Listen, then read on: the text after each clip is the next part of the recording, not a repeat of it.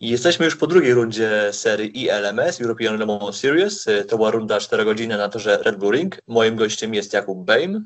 Dzień dobry. I to jest takie właśnie omówienie dość, powiedzmy, to szybkie wszystkich trzech klas serii ILMS. Zaczniemy sobie od klasy GTF, w której yy, końcowy wyścig, wynik jest taki, że oczywiście tutaj zdominowało znowu Ferrari, tak jak właściwie wszystkie inne sesje w trakcie tego weekendu, ale trzeba powiedzieć, że jednak tym razem było chyba ciekawiej, pomimo też dominacji yy, Ferrari. Nieprawdaż? Było znacznie ciekawiej, chociaż yy, ta 80, która wygrała, oczywiście samochód Ironix numer 80, która wygrał yy, wyścig w Barcelonie, on na początku był niesamowicie mocny z, z Mateo Kresonim za kierownicą, no ale później raz, że mm, strategia dość, dość mocno namieszała w, w czele stawki to raz, a dwa, że deszcz swoje zrobił, ale deszcz swoje zrobił we wszystkich trzech kategoriach, więc to nie tylko w GTE. Ale no trzeba przyznać, że, że wynik końcowy jest taki, że GTE oglądało się dużo przyjemniej niż Barcelonę. Nadal nie było, nie było to dla mnie, nie był to dla mnie ideał, jakiego bym się spodziewał po ILMS, ale było dużo, dużo lepiej. Też jestem w stanie się z tym zgodzić, bo jednak klasa GTE czy to w ILMS, czy w WEC-u, czy w WeatherTechu, zawsze no, jest tą klasą, która naprawdę dodaje takich e, mocnych emocji, to też takich e, emocji dzięki temu, że są też bardzo mocni kierowcy. Co do 80, no tutaj, tutaj chyba bardzo zaszkodził właśnie, e, no właśnie deszcz, ponieważ do tego momentu no, ich pozycja była świetna nie tylko w klasie GTE, ale też no, byli gdzieś tam się połętali w dziesiątce klasy LMP3, więc gdyby, byli, gdyby ich klasyfikować jako LMP3, to też y, zaliczyliby te pierwsze trzy godziny naprawdę na plus. Na plus chyba też można koniec końców powiedzieć że o tym, że TF Sport, ok, no wciąż zamyka stawkę, ale jednak ich wyścig był chyba jednak spokojniejszy i może bardziej optymalny, tak to można powiedzieć, prawdaż? Bardziej optymalny pod względem e, niepakowania się w kłopoty. To tak, e, ale pod względem samego tempa e, absolutnie nie. Tu, tutaj uważam, że, że TF Sport albo nie do końca rozumie warunki ILMS, co też zresztą samo w sobie byłoby troszkę dziwne ze względu na to, że w WEC sobie jakoś radzą, delikatnie mówiąc, ale no, na pewno brakuje mi w tym samochodzie tempa zwłaszcza wydaje mi się Oliver Hancock tutaj e, e, sprawia trochę problemy, jeżeli chodzi o tempo na, na pełnym zdjęcie. E, I ogólnie no, jestem nadal niezadowolony z, z tego, co oni sobą pokazują. Co prawda te wczorajsze, mm, przepraszam, wczorajsze, sobotnie kwalifikacje były trochę, troszkę bardziej obiecujące, ale koniec końców no, trzeba czekać na to, co będzie w dalszej części sezonu.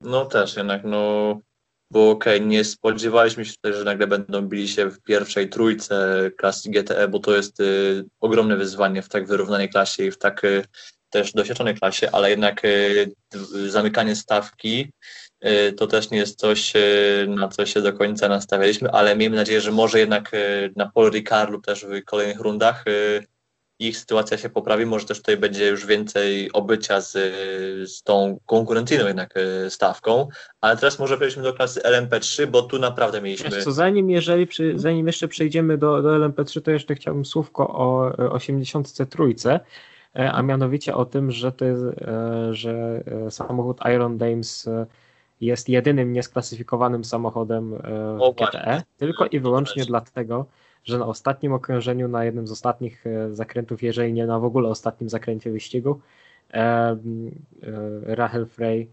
wpakowała samochód w żwir i się zakopała. I to spowodowało oczywiście, że, że samochód nie mógł mety przejechać, a był wtedy na bodajże czwartym miejscu w klasie. Czwartym, trzecim. Faktycznie dobrze to o tym wspomniałeś, bo to faktycznie był, był dość spory strzał już na samym finiszu, mhm. chyba zakręt czwarty. Y, tam tak. żwir.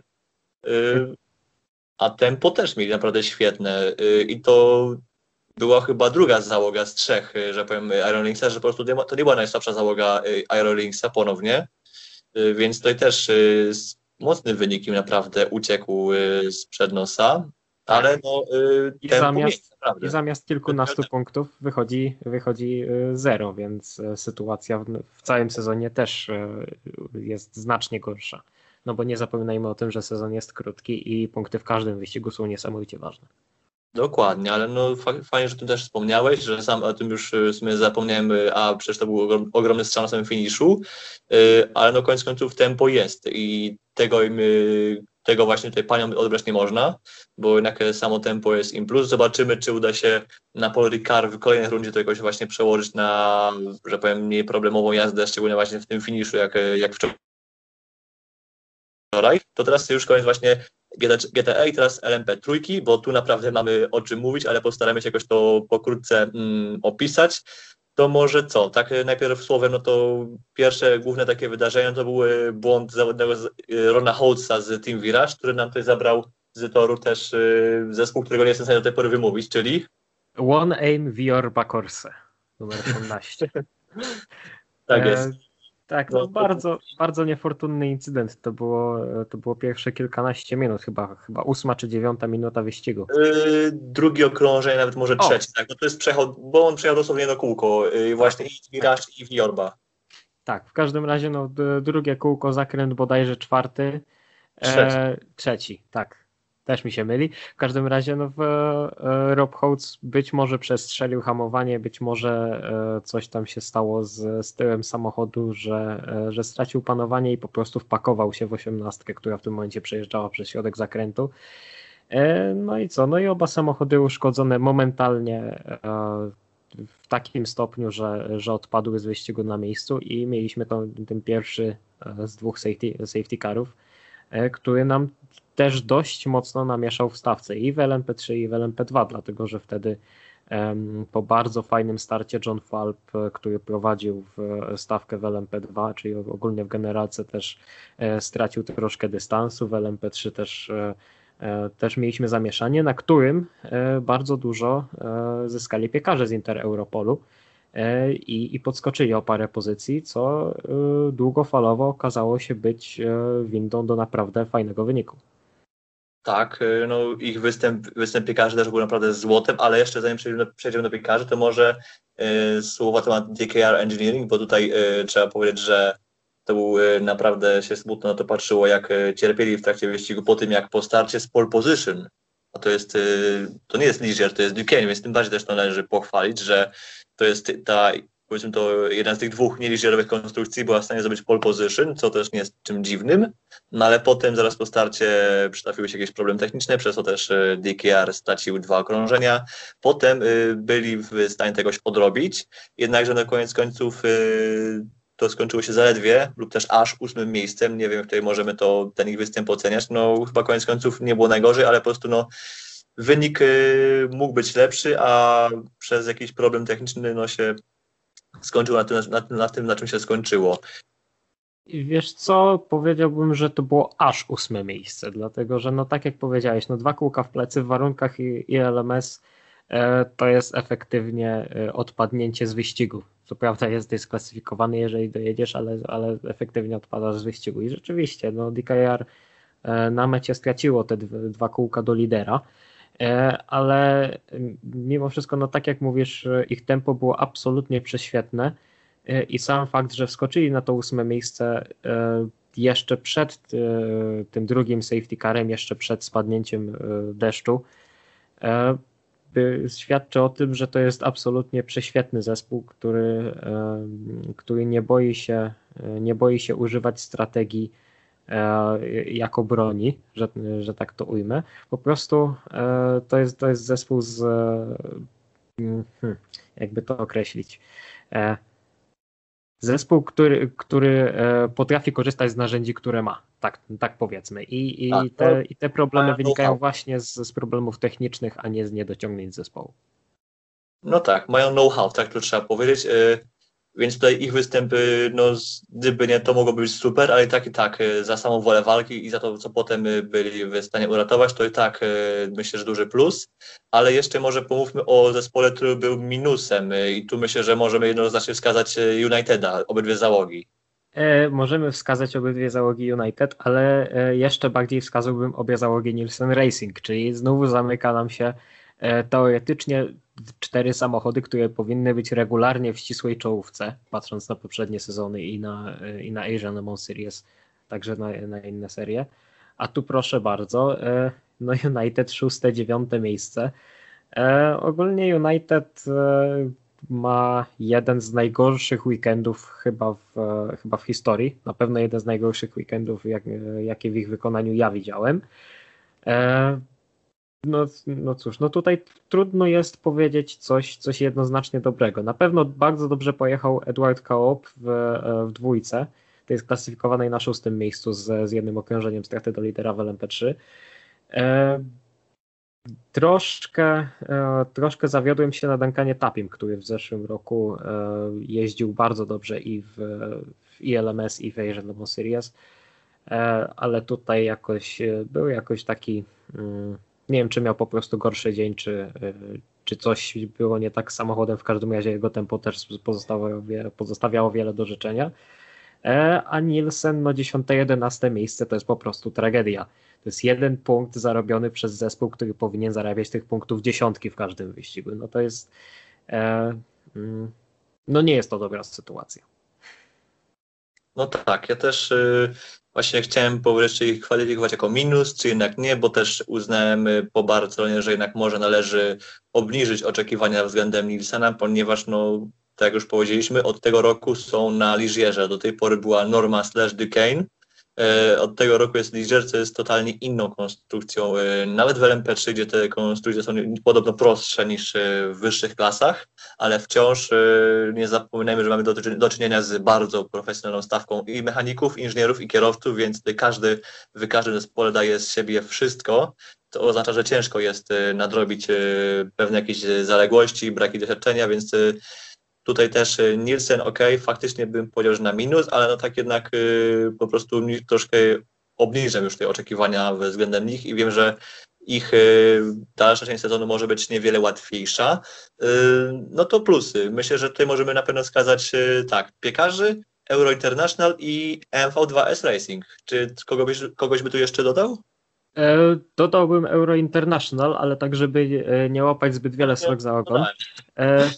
No to zacznijmy może, e, zacznijmy może od piekarzy, no bo to jest czwarte i piąte miejsce. E, po, e, po krótkich niesnaskach związanych z, z wizytą na podium, tak, tak gwoli wyjaśnienia, w, w ostatnich minutach wyścigu Graf numer 8, który, który został sklasyfikowany ostatecznie na trzeciej pozycji i rzeczywiście tą trzecią pozycję by miał, tak, czy, e, tak czy inaczej. Dostał e, karę 101 sekund stop and go za nierespektowanie przepisów dotyczących czasu postoju. I oczywiście z czasem postoju chodzi o to, że każda załoga w LMP3 musi wykonać co najmniej dwa postoje z minimalnym narzuconym czasem.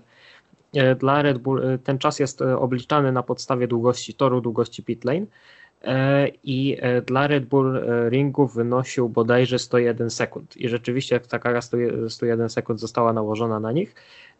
Graf tej kary nie wykonał, po czym została ona zamieniona po prostu po zakończeniu wyścigu na nie 101, co mnie, co mnie dziwi, ale na 43 sekundy doliczone do czasu wyścigu. I w związku z tym, że było to właśnie to zamieszanie z karą, to trzynastka Inter Europolu, która skoczyła, skończyła na, czter, na czwartym miejscu, pojawiła się na, e, na dekoracji na podium, e, po czym została strącona z powrotem na czwarte miejsce i kończy się rzeczywiście czwartym i piątym miejscem. Ale e, wracając do samego Inter Europolu, to jestem niesamowicie pod wrażeniem tego, jak po tym, jak bardzo wykorzystali na swoją korzyść ten pierwszy safety car, o czym mówiliśmy przed chwilą, że, że startując z 9 i 16 miejsca odpowiednio, 14 i 13, bez problemów e, wskoczyli na, na czołowe pozycje i to do tego stopnia, że kiedy Mattia Passini wysiadał z, ze swojej zmiany, czyli, czyli z, z pierwszych dwóch stintów w czternastce, to e, z dziewiątego miejsca wylądował na pierwszym w klasie. Także to był absolutnie niesamowity wyścig. Jeszcze potem e, absolutnie świetne stinty Mateusza Kaprzyka w czternastce Ugo de Wildego w trzynastce, znowu zamykającego wyścig w absolutnie wspaniałym stylu. E, to był niesamowity wyścig w ich wykonaniu i jeżeli mnie pamięć nie myli, to jest ich pierwszy wyścig w LMP3 od dwóch lat, bodajże od, e, e, od Four Hours of the Band w 2020 roku, kiedy samochód LMP3 piekarzy skończył wyścig poza podium. No dobra, no to Ja myślę, że chyba ta pasta już została przerwana gdzieś wcześniej, ale też mogę tutaj się mylić.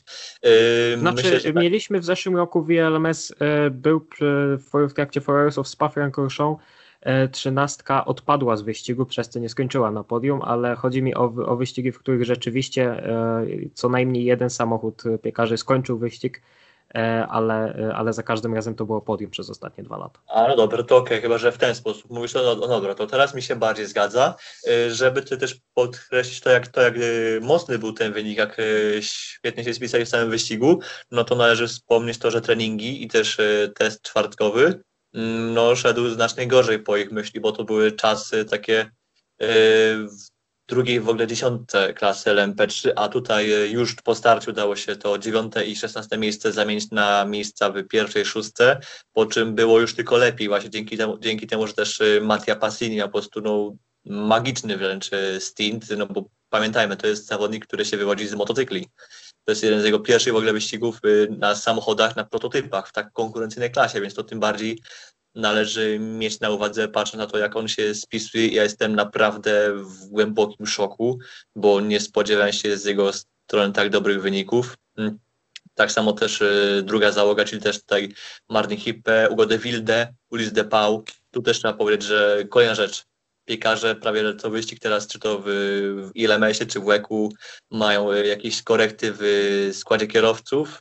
E, to wynika z różnych przyczyn, bo też niektórzy kierowcy łączą e, programy z piekarzami, z WeatherTechem, jeszcze z innymi seriami, więc jest normalne, że takie zmiany się muszą wydarzyć.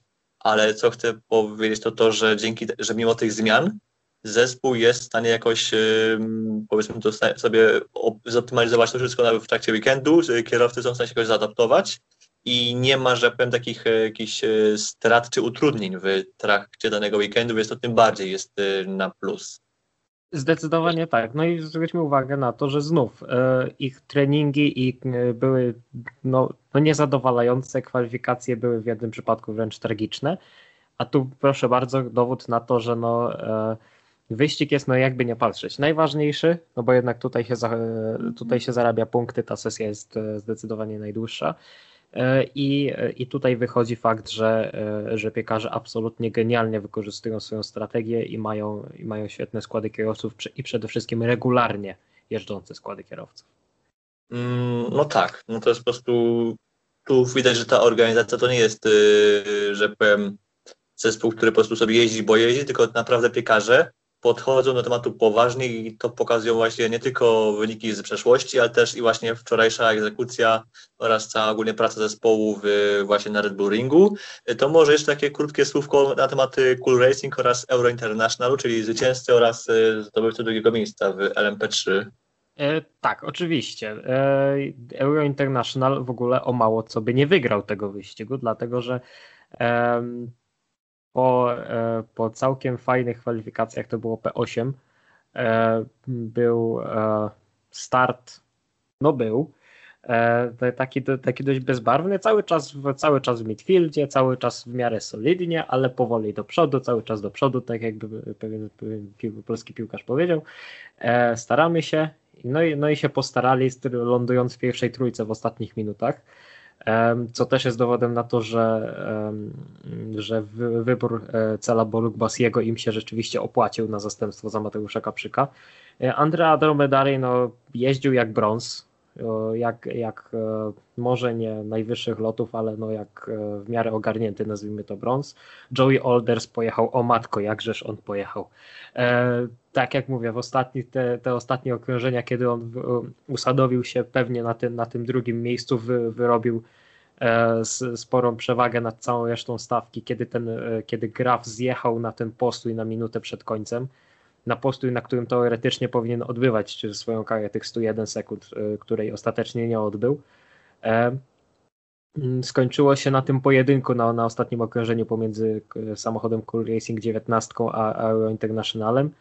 E, w 19 za kierownicą był, bodaj, był bodajże Matt Bell, ale nie jestem tego całkowicie pewny. W każdym razie skończyło się różnicą dosłownie 117 e, tysięcznych sekundy.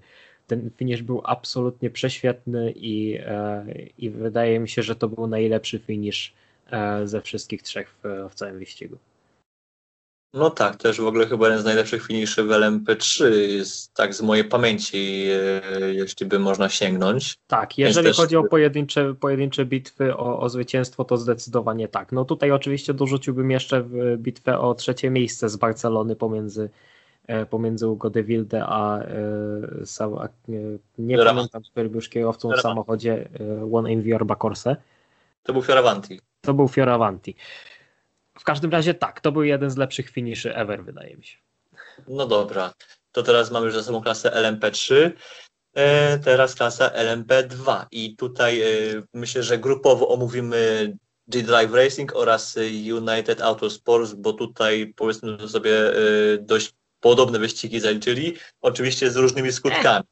E, no właśnie, z różnymi skutkami, więc tak, tak jak mówisz, e, podob, podobne wyścigi, ale z, inaczej. Wyścigi przejechane na tej samej osi, ale chyba po dwóch różnych końcach, dlatego że no, e, w tak złej formie United Autosports chyba nie było nigdy, to już mówiłem przy LMP3, ale powtórzę jeszcze raz, dlatego że tutaj no, E, uwaga, United Autosports, dominatorzy absolutni, którzy w zeszłym roku wygrali wszystko, co było do wygrania, w poprzednich latach wygrywali też seriami, w ILMS po prostu, po prostu zmietli wszystkich, w tym roku proszę bardzo na Red Bull Ringu 32, 32 16 miejsce, 7 kółek w plecy, a 22 7 miejsce, jedno kółko w plecy.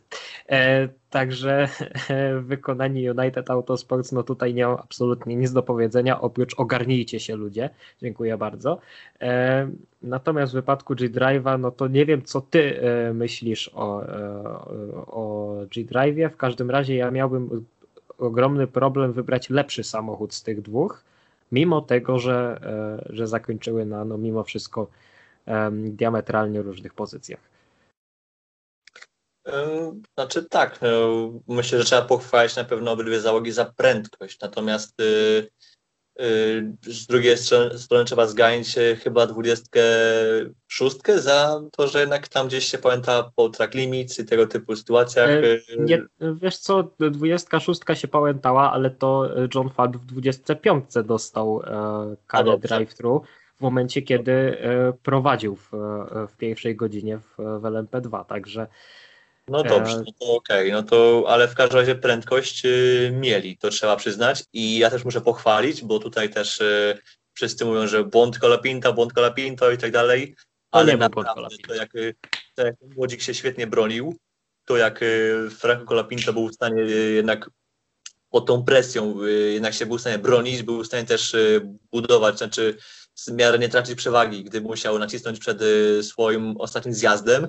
Y, jak dla mnie czapki z głów. Y, to jest, my to mówiliśmy już w przeszłości, że Ifeje oraz Franco Colapinto z tych młodzików w czołówce ILMS w LMP2, no to są naprawdę, mają przyszłość. Przed nimi jest naprawdę ogromna przyszłość i ja muszę pochwalić tutaj Colapinto, że naprawdę jego, jego jazda była fantastyczna, a to, że takich, a nie innych okolicznościach dał się wyprzedzić, to też wynika z tego, jak e, trudne były warunki na torze i też e, no, jak ślisko było na torze, plus to, że opony no, już e, w tym momencie się wszystkim kończyły bardziej. No tutaj właśnie z, zrzuciłbym w, mimo wszystko winę właśnie na karp opon, dlatego że owszem był, było mokro, ślisko. Oczywiście tor już wtedy dość szybko wysychał, dlatego że no Red Bull Ring też ma tą, tą dziwną właściwość, że, że dość szybko wysycha po, po, po deszczu, ale tutaj właśnie ujawnił się fakt, że Colapinto ogólnie wsiadł w takim, w takim niefajnym momencie wyścigu, że E, momentalnie wy, wyjechał ten drugi safety car po tym, jak, po tym jak lunął deszcz w trzeciej godzinie, więc Colapinto dostał samochód co prawda ze świeżymi oponami, ale no mm, jego drugi wyścig e, w ILMS, szósty wyścig e, w karierze w, w LMP2 mm, i nagle okazuje się, że walczysz o zwycięstwo E, w warunkach, których, e, które mało kto jest w stanie ogarnąć i nawet najlepsi kierowcy LMP2 na świecie robią błędy. United Autosports. E, także nie, absolutnie uważam, że nie, nie powinno się Colapinto obwiniać, tak jak mówisz, za, za to, że dał się wyprzedzić, dlatego że no, opony mu się kończyły, to jest jasne. Też był bardzo mocno, mocno naciskany przez Deletraza przez, przez dłuższy czas i no mało jest kierowców, którzy by sobie z taką presją i w takich warunkach sobie poradzili i, i, i nie daliby się wyprzedzić, więc nie uważam, żeby to był, że nawet sam fakt, że, że ostatecznie dał się wyprzedzić i 26 skończyła na pierwszym, a nie na drugim, a nie na pierwszym miejscu, przepraszam, no, tak. nie jest to absolutnie ujma dla Colapinto. No tak, to jest naprawdę mało kto bardziej doświadczony jest w stanie y, utrzymać y, się przy takiej presji, a po raz kolejny przypomnimy, Colapinto jedzie szósty wyścig w LMP2, y, jest świeżakiem, który dopiero co wyskoczył z wyścigów single-seaterów i też dla niego to wszystko jest wciąż dość nowe, więc też należy brać na to poprawkę. To jest zawodnik, który, tak jak powiedziałem, ma naprawdę przed sobą przyszłość, podobnie jak i Feje. I jeszcze tak słówkiem wrócę do ten, do Unitedu, bo tu nie wiem, czy się zgodzisz y, z taką moją, powiedzmy to, z takim stwierdzeniem, że tempo mieli, tylko tym razem zawiodła ich egzekucja oraz e, track Tak, tak, zdecydowanie zawiodła ich egzekucja. Zaprawdę były jeszcze te pojedyncze wpadki na to, że e, jedno wypadnięcie z toru na suchym i jeden spin już e, w ostatnich minutach wyścigu, kiedy 22 E, tak czy tak nie miałaby zbyt dobrego wyniku, ale jeszcze sobie tym spinem go pogorszyła. To było dosłownie ostatnie bodajże o 10 minut. E, w każdym razie, no, no tak, no, no United, e, United zdecydowanie położyło strategię i no i też, też warunki na to, że na pewno im nie pomogły. No i dwie, no i dwie wizyty na poboczu w, właściwie w tym samym miejscu, na tym samym okrążeniu E, w deszczu. A jeszcze tak, szyb, tak szybko kończąc e, wątek G-Drive'u, to jeszcze chciałem zwrócić uwagę na to, jak, e, jak fenomenalnie pojechał Nick DeVries w 26. Właściwie on ustawił 26 jako lidera wyścigu, jako jednoznacznego lidera wyścigu przez właściwie półtorej, no powiedzmy dwie godziny i gdyby nie on, to 26 byłaby prawdopodobnie znacznie niżej, bo rzeczywiście to jego tempo w, po, po przejęciu samochodu od Rysinowa e, było, było praktycznie tak samo kosmiczne jak Deletraza w Barcelonie na pierwszych stintach e, i absolutnie uważam, że Nick DeVries pokazał się tutaj z absolutnie świetnej strony. E, też jak najbardziej się z tym zgadzam, bo naprawdę frunął wręcz magicznie i widzieliśmy jak e, po prostu ta przewaga jego nad e, chyba Rosła wówczas w oczach. Ifeje. Na Ifejem na początku, a potem jeszcze nad Robertem Kubicą. Po no prostu tak. rosła w oczach. Kubica bardzo tak. dużo, z drugiej strony Kubica bardzo dużo czasu zyskał w deszczu, kiedy, hmm. kiedy De Vriesowi zaczęły się kończyć opony, spadł deszcz, przyszła, przyszła, przyszedł czas zmiany na, E, na opony wszyscy myśleli przejściowe. E, Kubica, Kubica zdecydował się, ponoć to on zdecydował się na to, żeby, e, żeby pójść od razu w, w pełne opony deszczowe i ostatecznie to się opłaciło, bo WRT zyskało bardzo, bardzo dużo czasu, co z kolei doprowadziło nas później do, do pojedynku między Deletrazem i Colapinto po tym ostatnim wyjeździe.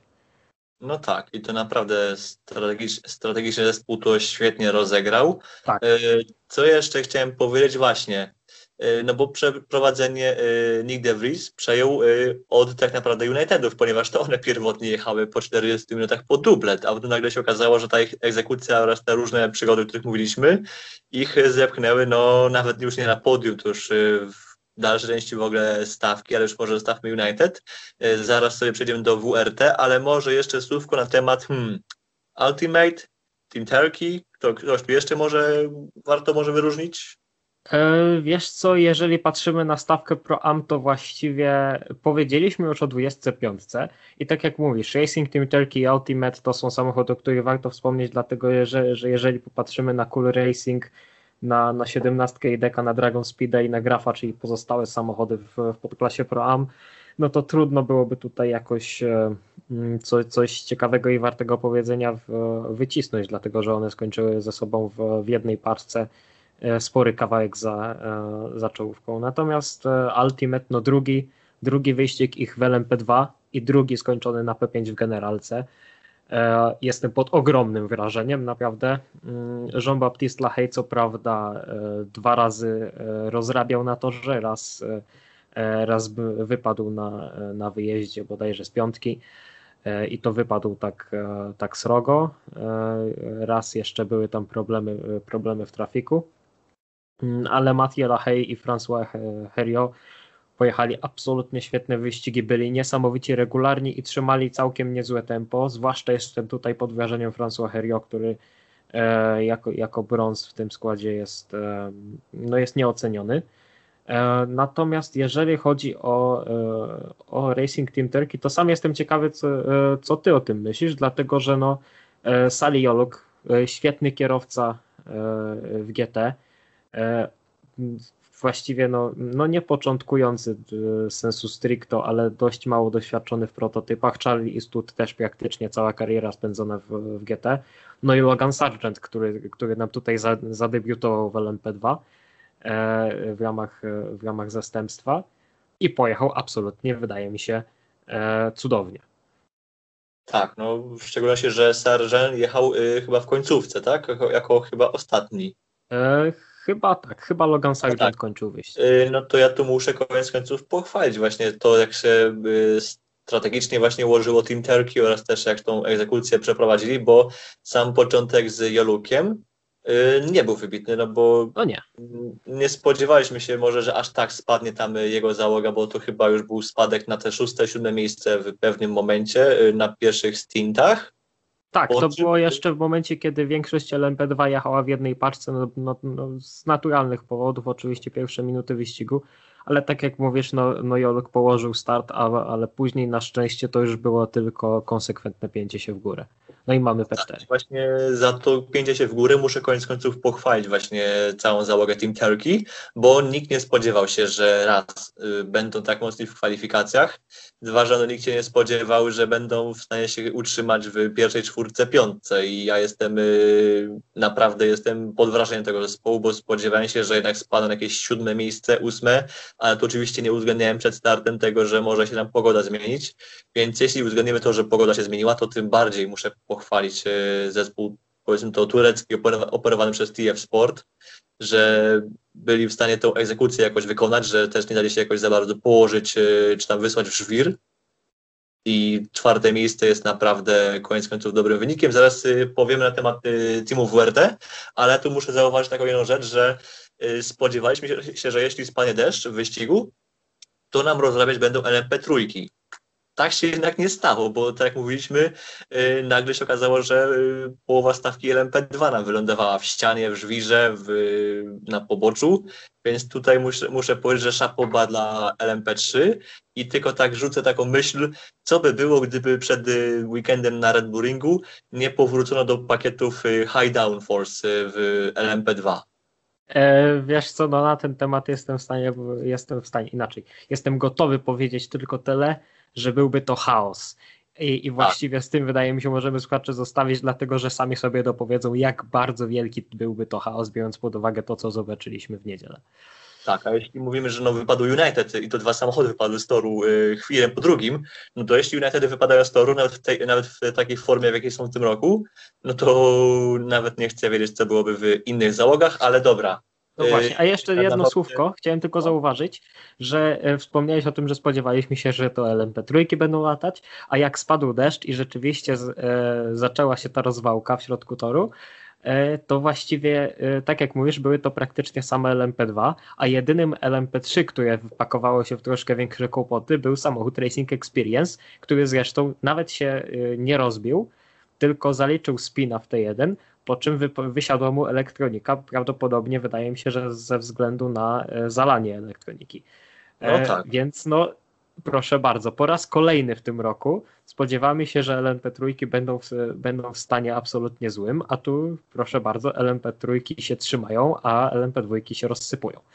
No tak, y, dla kontekstu tutaj mówimy o tym, że na Daytonie nikt się nie spodziewa, że w ogóle LMP3 ukończą y, całodobową Daytonę Nikt się nie spodziewał, że LMP3, LMP3 ukończą 12 godzin z Sebring, a tu jeszcze do tego dojechały prawie wszystkie, dojechały w, na półdeszczowym Red Bull Ringu, więc naprawdę LMP3 są bardziej pancerne niż się spodziewaliśmy, ale dobrze.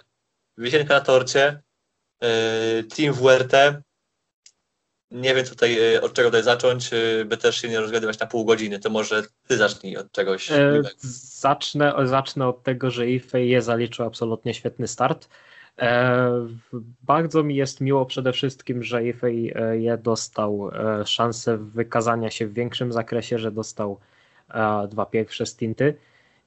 I trzeba przyznać, że, że tempem absolutnie nie odstawał od, od reszty czołówki. Wbrew temu, co, co mogą czasami powiedzieć niektórzy dziennikarze,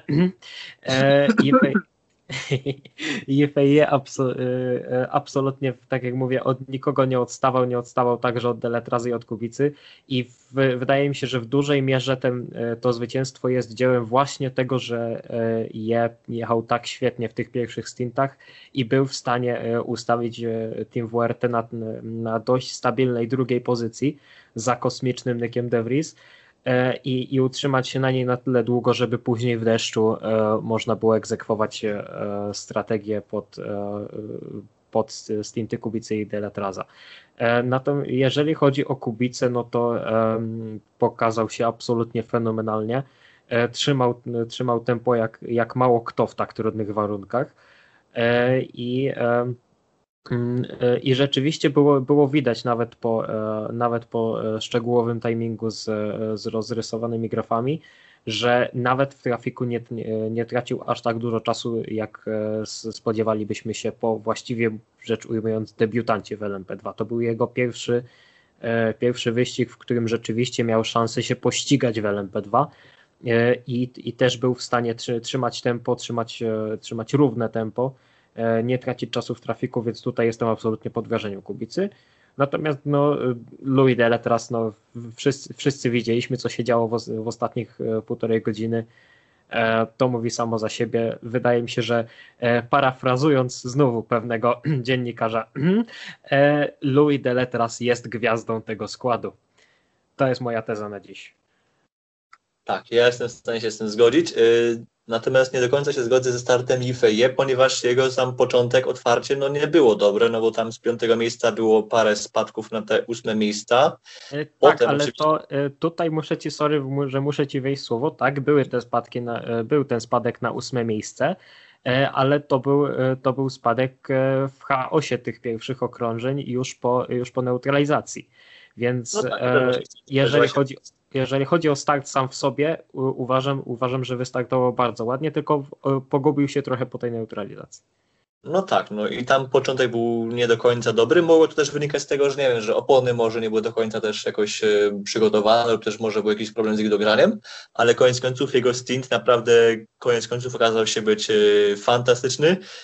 Myślę, że to było prawie to samo, co zrobił, zrobił Deletras e, w Barcelonie, że możemy to mniej więcej jakoś tam porównywać. No tutaj była naprawdę praca zespołowa, ponieważ każdy z tych trzech zawodników to świetnie wypracował. To jest właśnie na tym polega endurance a nie na tym, co według niektórych y, polega, że według niektórych y, wszystko jest skupione wokół jednej osoby, wszyscy wokół tej jednej osoby tańczą i słuchają, jak, jak ona zagra. Nie.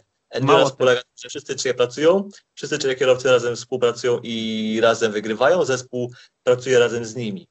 Mało tego, e, powiem tylko tak, e, gdyby rzeczywiście było tak, że samochód byłby ustawiany pod jednego kierowcę, to ten samochód nie wygrałby ani jednego wyścigu.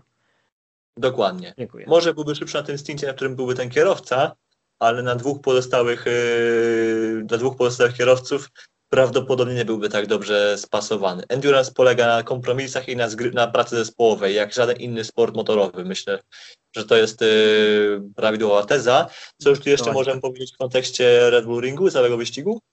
E, możemy powiedzieć, że e, hmm przed wyścigiem naprawdę nie chciałem, żeby spadł deszcz i, i zastanawiam się, czy miałem rację, bo, e, bo na pewno e, no, deszcz trochę pomógł, trochę przeszkodził.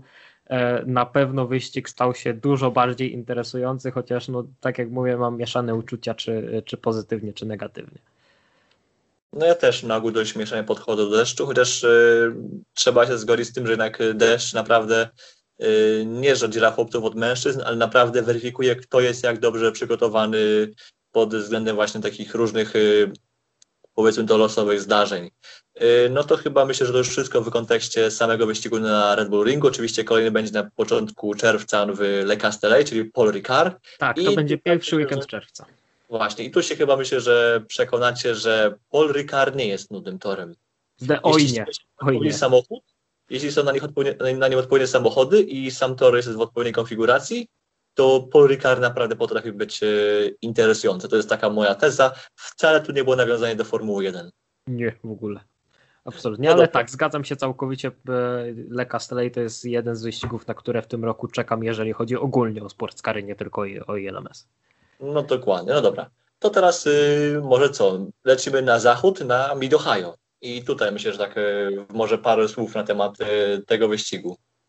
E, tak, no, wyścig był na pewno, e, na pewno był e, niesamowicie interesujący. Przede wszystkim, no co prawda przyniósł nam e, czwarte z rzędu zwycięstwo Akury ARX 05 DPI na, na, w trakcie wyścigu, który jest sponsorowany przez Akurę i to, to, to nie jest absolutnie teoria spiskowa.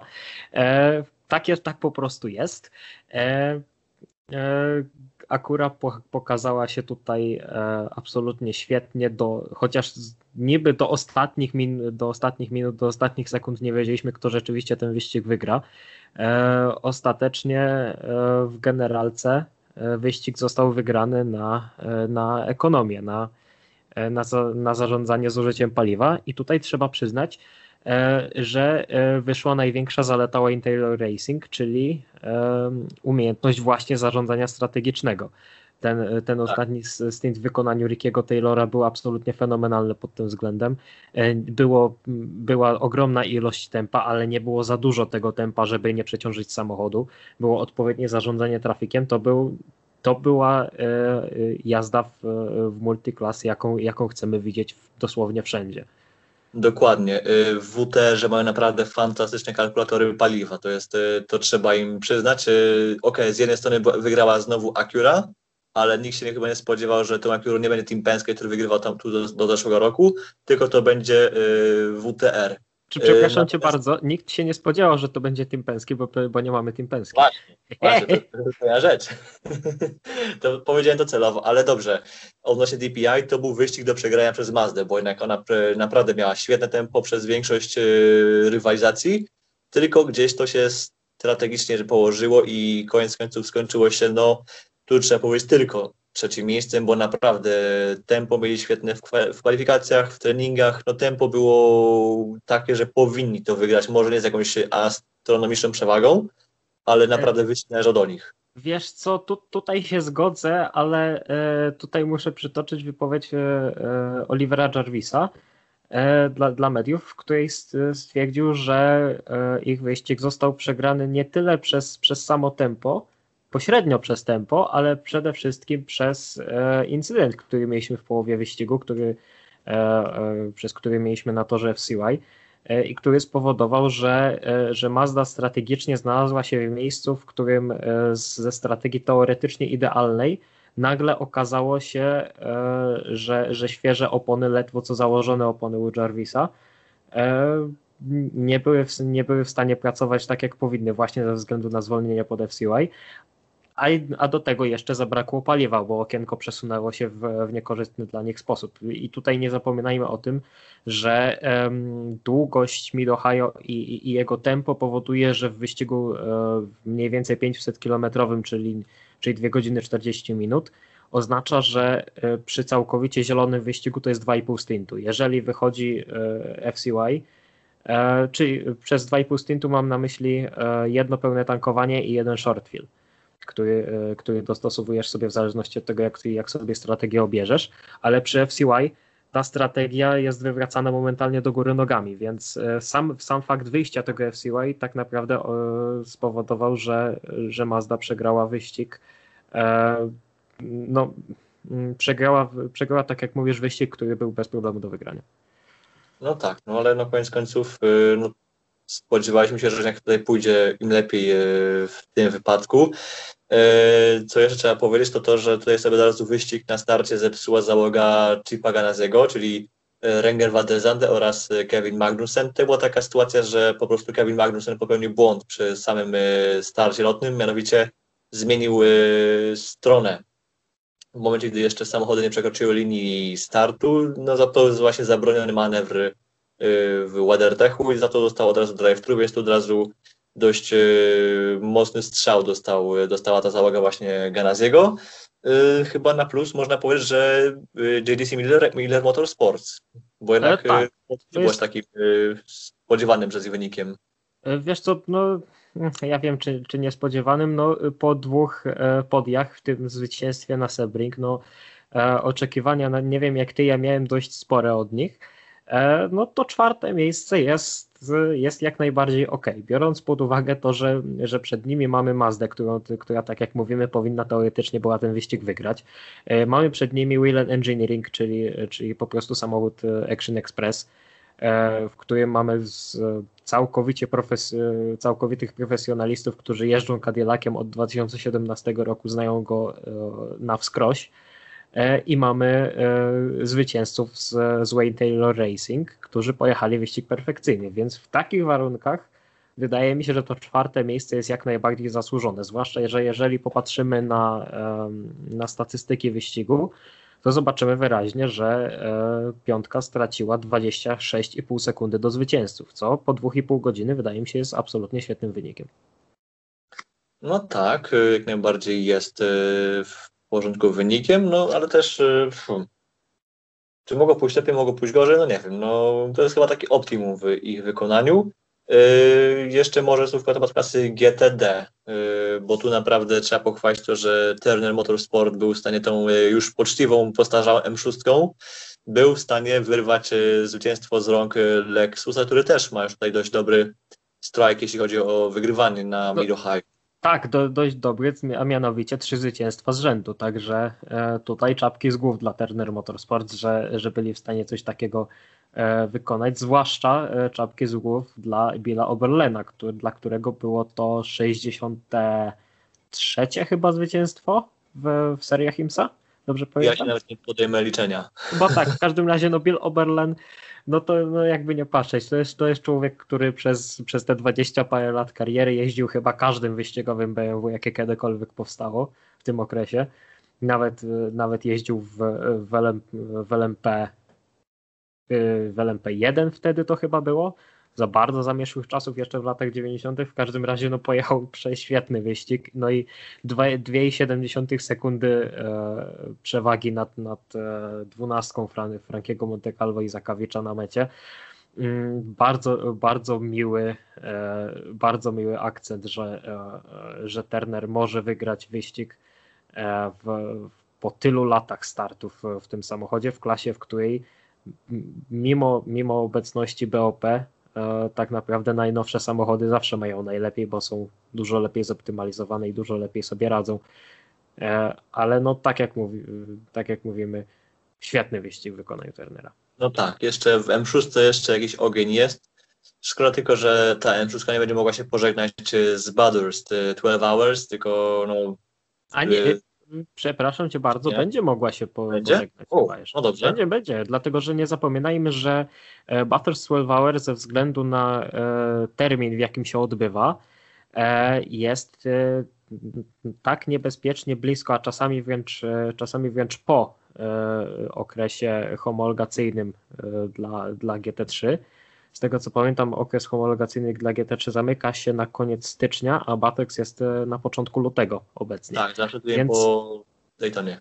Tak, więc to powoduje, że po prostu e, IGTC przymyka oko na fakt, że władze e, organizujące Bathurst, Bathurst 12 Hour, po prostu dopuszczają samochody z zeszłoroczną homologacją, co oznacza, no. że na przykład w 2019 roku E, mieliśmy właśnie w Bathurst ostatni występ, ostatni e, starego Aston Martina Vantage'a GT3, a no wydaje mi się, że w przyszłym roku będziemy mieli ostatnią okazję, żeby zobaczyć M6 GT3 zamiast nowej M4.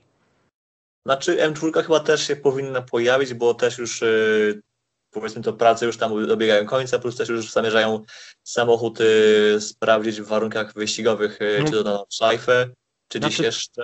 Tak, ale w, tak, to test, testy mają być w tym roku, będzie chyba jeden występ w, w NLS, prawda? Tak, tak. No, ale chodzi mi po prostu o to, że no tutaj też dużo rolę będzie odgrywać fakt, że mamy jeszcze, y, jeszcze wiadomego wirusa na świecie, i, i co, co po niektóre gospodarki są pozamykane, transport y, y, się, się nie do końca obudził światowy. Australia też jest w tak specyficznym położeniu obecnie, że, że niby się otwarła, ale się nie otwarła, ale tak nie do końca, ale mm, i, i zwłaszcza motorsport na tym bardzo cierpi, więc wydaje mi się, że M6 mogą się jeszcze pojawić między innymi właśnie ze względu na to, że M4 mogą albo, albo nie dotrzeć, albo zespoły po prostu zdecydują się jeszcze ich nie kupować i zaoszczędzić trochę pieniędzy. No, w sumie racja. Tutaj się można ciężko się z Tobą nie zgodzić. A jeszcze może na koniec słówko na tematy Heart of Racing oraz Paul Miller Racing, bo tutaj trzeba powiedzieć, że znowu Aston Martin y, świetnie się zaprezentował i ten sezon jest też naprawdę bardzo dobry w ich wykonaniu. No i też wreszcie Lamborghini w klasie GTD nam się znalazło na przyzwoitej pozycji, a nie w ścianie. oj tak, e, bardzo fajnie jest, e, jest widzieć Pola Millera znowu w czołówce. E, co prawda mieliśmy tam wcześniej i, i, i w Daytonie nie bardzo, ale w Sebring troszkę bardziej Paul Miller był jeszcze troszkę w formie. Tutaj w końcu to trzecie miejsce. Madison Snow znowu pokazał klasę. Już jako, już jako srebro właściwie, znów jako srebro. E, i, i chwała IMSA za to, że poszli po rozum do głowy i, i Madison Snow e, znowu może rzeczywiście się, się udzielać w motorsporcie, dlatego że oglądanie tego, jak on, jak on jeździ w trafiku, jak wspaniale przepuszcza szybsze samochody, że tak powiem, e, w sensie tak już całkowicie poważny, jak, jak jest w stanie wykorzysty, wykorzystywać fakt, że jest wyprzedzany do jeszcze zyskiwania przewagi nad rywalami to jest po prostu coś absolutnie przewspaniałego do oglądania. Natomiast jeżeli chodzi o Heart of Racing, no czwarte miejsce 3,5 sekundy za liderem. E, to był, to był chyba zresztą debiut Rosagana w, e, w pełnym sezonie IMSA i muszę przyznać, że poradził sobie z nim, e, z nim świetnie. Widać, że do, dogaduje się z, z Romanem De Angelisem za kierownicą. E, dogaduję się oczywiście z samochodem jako fabryczny kierowca Aston Martina i jestem absolutnie pod wrażeniem tego, jak, e, jak równe było to tempo, jak, e, mm, jak Heart of Racing zachowywało się na torze i to czwarte miejsce jest absolutnie zasłużone. No dobrze, to chyba myślę, że to jest wszystko na tematy WeatherTech. Kolejna runda to jest Glen, czy jeszcze coś przed Glenem, przed Glenem będzie? Nie, nie, to przed Glen mamy jeszcze Detroit e, i, no i mamy chyba coś jeszcze, ale szczerze ci powiem, nie pamiętam dokładnie, bo nie mam przed sobą teraz kalendarza, ale jestem całkowicie pewny, że mamy przed sobą e, Detroit Grand Prix. E, natomiast samo, samo Six Hours at the Glen jest na początku lipca, więc coś mi mówi, że w tym skondensowanym kalendarzu coś jeszcze może się przed tym znaleźć. Chociaż trzeba z drugiej strony pamiętać o tym, E, że kalendarz był budowany jeszcze, gdy mieliśmy Le Mans w czerwcu i tradycyjnie, i tradycyjnie połowa czerwca była, w, e, była czy jest tradycyjnie w kalendarzu e, IMSA Sports Car pusta, właśnie po to, żeby umożliwić zespołom wybranie się zaraz po zakończeniu Detroit do Francji na udział w Le Mans. No właśnie, i runda w Detroit będzie ciekawa nie tylko pod względem sportowym, ale też coś może dziać się poza torem. Tak jest. Tak jest. Nie, y, chyba możesz nie będziemy do końca zdradzać, y, czy może będziemy? Nie. Też eee, nie wiem. Nie, nie, wydaje mi się, że będziemy zdradzać, czy po prostu e, powiem tyle, e, e, je, czytać, obserwować. Czytać, obserwować, tak. dlatego że e, będzie ciekawie. A co do jeszcze, jeszcze co do kalendarza, teraz sprawdziłem e, na szybko kalendarz. E, mamy Detroit Grand Prix zaplanowane na 12 czerwca. To jest właściwie termin kolidujący z Portimao. z terminem, w którym mieliśmy mieć Le Mans, a mamy 8 Hours of Portimao, czyli drugą rundę WEC. E, to będzie wyścig dla DPI, GTLM i GTD. E, natomiast, Six Hour, natomiast następny jest rzeczywiście Six Hours at the Glen, e, to jest 27 czerwca. Przy czym GTLM jadą tutaj bardziej w składzie korwetowym, ponieważ Porsche, zespoł WeatherTech był wystawiony przez Proton Competition no się nie pojawi, więc to jest tak naprawdę taki bardziej, powiedzmy, jak to nazwali, exhibition race dla klasy GTLM, gdzie po prostu jadą jako y, taką pokazówkę. Dokładnie tak. No dobra, to chyba będzie już wszystko i myślę, że też y, oba wyścigi już tutaj też tak myślę, że sprawnie omówiliśmy. Moim gościem był Jakub Bejm. Dziękuję bardzo. Ja również dziękuję Wam pięknie za uwagę. Do usłyszenia.